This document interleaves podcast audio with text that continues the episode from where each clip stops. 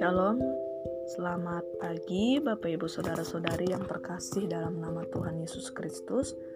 Puji nama Tuhan, kita mengucap syukur kepada Tuhan pada pagi hari ini. Tuhan terus menolong kita, memberkati kita sehingga kita kembali menikmati hari yang baru itu semua karena pertolongan dan penyertaan Tuhan dalam kehidupan kita. Bapak Ibu Saudara, sebelum kita beraktivitas sepanjang hari ini, kita akan mendengarkan renungan dan mari kita bersatu di dalam doa. Bapa dalam surga, kami mengucap syukur buat hari ini. Terima kasih buat kasih setiamu dalam kehidupan kami. Sungguh kami melihat bagaimana Allah terus menyertai kami, menolong kami, sehingga hari ini Tuhan kami kembali menikmati hari yang baru, tentunya dengan ucapan syukur. Dan kami menyadari bahwa itu semua karena anugerahmu dalam kehidupan kami. Dan saat ini Tuhan, kami rindu untuk mendengarkan sebagian dari firman-Mu Tuhan. Kiranya Engkau Allah yang berbicara kepada kami, menolong kami, sehingga firman-Mu ini kembali mengingatkan kami Tuhan. Dan kami menjadi pelaku akan kebenaran firman Tuhan. Berfirmanlah ya Tuhan, kami siap mendengarkan. Dalam nama Tuhan Yesus kami berdoa dan mengucap syukur. Haleluya. Amin. Ya Bapak Ibu saat ini kita tiba di dalam kitab Nehemia pasalnya yang ke-13. Di situ ada dari ayat pertama sampai ayatnya yang ke-31 dengan judul kesetiaan Nehemia kepada hukum. Nah, Bapak Ibu, kita tahu bahwa Nehemia setelah menjadi gubernur di Yudea selama 12 tahun, kini kembali Nehemia ke Susan dan ketika Nehemia tidak lagi berada di Yerusalem, ya bangsa Israel ini sedikit demi sedikit mulai melanggar perjanjian yang mereka buat untuk melakukan semua hukum Taurat dengan sungguh-sungguh. Dan ketika Nehemia akhirnya kembali ke Yerusalem untuk menjadi gubernur uh, yang kedua kalinya, ia menemukan bahwa Imam Eliasib yang diangkat menjadi pengawas bilik-bilik rumah Allah menyediakan bilik besar bagi Tobia. Ya ini Tobia ini adalah kenalan baik Imam Eliasib sekali, sekaligus uh, musuh lama orang Yahudi dan kita tahu bahwa bilik itu biasanya digunakan untuk menyimpan korban sajian, kemenyan, perkakas dan persembahan dan perpuluhan. Ya, kita melihat di ayatnya yang keempat sampai ayatnya yang kelima. Dan tidak hanya itu saja Bapak Ibu Saudara, Nehemia juga menemukan bahwa ibadah di bait suci tidak diadakan lagi. Dan uh, orang Lewi ini yang biasanya melayani di bait Allah kembali, mereka meninggalkan itu dan lebih memilih bekerja di ladang untuk mendapatkan nafkah sebab mereka tidak lagi menerima persembahan untuk mendukung kehidupan mereka. Ini ada di ayat 10 sampai ayatnya yang ke-13.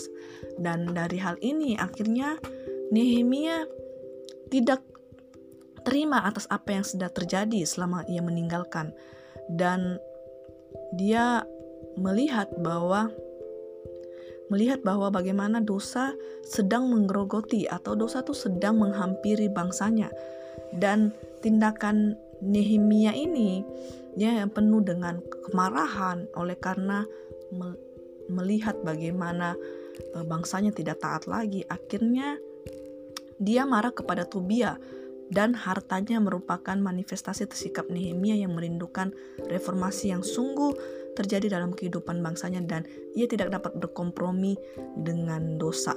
Ya, ini adalah tindakan Nehemia yang sangat bagus sekali Bapak Ibu Saudara. Oleh karena dia tidak mau berkompromi dengan dosa dengan para rakyatnya sehingga uh, Nehemia pun kembali marah, ya. Bagi Nehemia, Eliasib telah menjungkir balikan tataan uh, prioritas kehidupan umat Allah ya dan ini adalah sesuatu yang tidak sangat bagus. Ya, mari kita kembali melihat ya Bapak Ibu Saudara bahwa ini merupakan sesuatu uh, terjadi yang tidak baik ya bagaimana adanya kemerosotan kerohanian dan adanya eh, dosa-dosa uh, yang mereka lakukan oleh karena uh, pada saat itu Nehemia tidak ada di situ dan ini uh, membuat akhirnya mereka uh, tidak uh, tidak memelihara iman mereka sehingga pekerjaan-pekerjaan uh, Tuhan pun akhirnya mereka abaikan Bapak Ibu Saudara dan mereka lebih mementingkan diri mereka sendiri dibandingkan urusan dan pekerjaan rumah Tuhan dan kerohanian mereka Bapak Ibu Saudara. Dan mari kita melihat bagaimana peranan uh, Nehemia di sini Bapak Ibu ya, bagaimana dia menunjukkan sebagai pemimpin yang benar-benar uh, setia kepada aturan, benar-benar pemimpin yang takut akan Tuhan, benar-benar pemimpin yang memiliki integritas. Oleh karena dia memahami bahwa se semua yang dilakukan itu adalah kesalahan besar dan tugasnya dia adalah sebagai pemimpin dia harus men, uh, menjadi pemimpin yang memperbaiki hubungan yang rusak pada saat itu dan Ya, Nehemia menggambarkan bagaimana dia adalah seorang pemimpin yang setia kepada hukum. Nehemia menyadari bahwa uh, bangsa Israel ini perlu untuk uh, diselesaikan masalah yang sedang mereka lakukan dan dosa-dosa yang sedang menggerogoti kehidupan mereka. Hal ini tentu adalah seorang pemimpin yang baik, Bapak Ibu ya. Dia menyadari bahwa mereka sedang jatuh ya, mereka sedang dialami masalah dan kita melihat bagaimana Nehemia bisa menjadi orang atau seorang pemimpin yang baik oleh karena dia memiliki hubungan yang baik dengan Tuhan. Dia dia takut akan Tuhan dan dia mau menjalankan tugas yang sudah dipercayakannya dia kepada Tuhan dari Tuhan. Nah, Bapak Ibu mari kita melihat Nehemia di sini ya. Jikalau kita sebagai seorang pemimpin atau ketika atau ketika kita sudah menjadi anak Tuhan, kita menjadi terang. Mari ketika di mana pun kita berada, mari kita menjadi berkat ya. Ketika kita melihat ada kesalahan, ketika kita melihat ada ada dosa yang sedang dilakukan orang-orang, mari kita sebagai anak-anak Allah, sebagai orang yang sudah percaya dan mengenal kebenaran, mari kita menunjukkan sikap kita untuk menegur ya oleh karena mungkin mereka tidak menyadari atau mereka mungkin sudah jauh daripada Tuhan. Dan tugas kita sebagai orang yang percaya, orang yang sudah menjadi terang, mari kita menjadi uh, pengikut Kristus atau pemimpin di mana pun yang sudah apa pun yang sudah dipercayakan kepada Tuhan dari Tuhan, mari kita menjadi terang, menegur setiap kesalahan dan menyelesaikan setiap kesalahan yang kita lihat pada saat itu seperti Nehemia Bapak Ibu Saudara.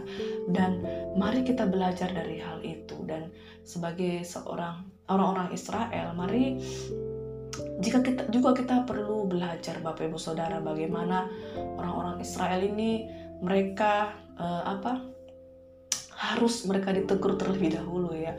Oleh karena mereka uh, pada saat itu tinggalkan oleh Nehemia dan mari kita memegang uh, prinsip hidup kita memegang kebenaran dalam kehidupan kita bahwa di mana pun mari kita tetap terus menjadi terang dan kita tidak berkompromi dengan dosa, kita tidak bekerja sama dengan dosa orang-orang yang di sekitar kita yang mereka mengajak kita untuk kembali ke masa lalu atau melakukan dosa. Mari kita belajar untuk terus berpegang dan mari kita terus untuk belajar untuk menjadi orang-orang yang percaya, orang-orang yang akan dipakai Tuhan. Amin Bapak Ibu Saudara. Demikian firman Tuhan yang dapat saya sampaikan pada pagi hari ini. Kiranya menjadi berkat bagi kita semua. Tuhan Yesus memberkati.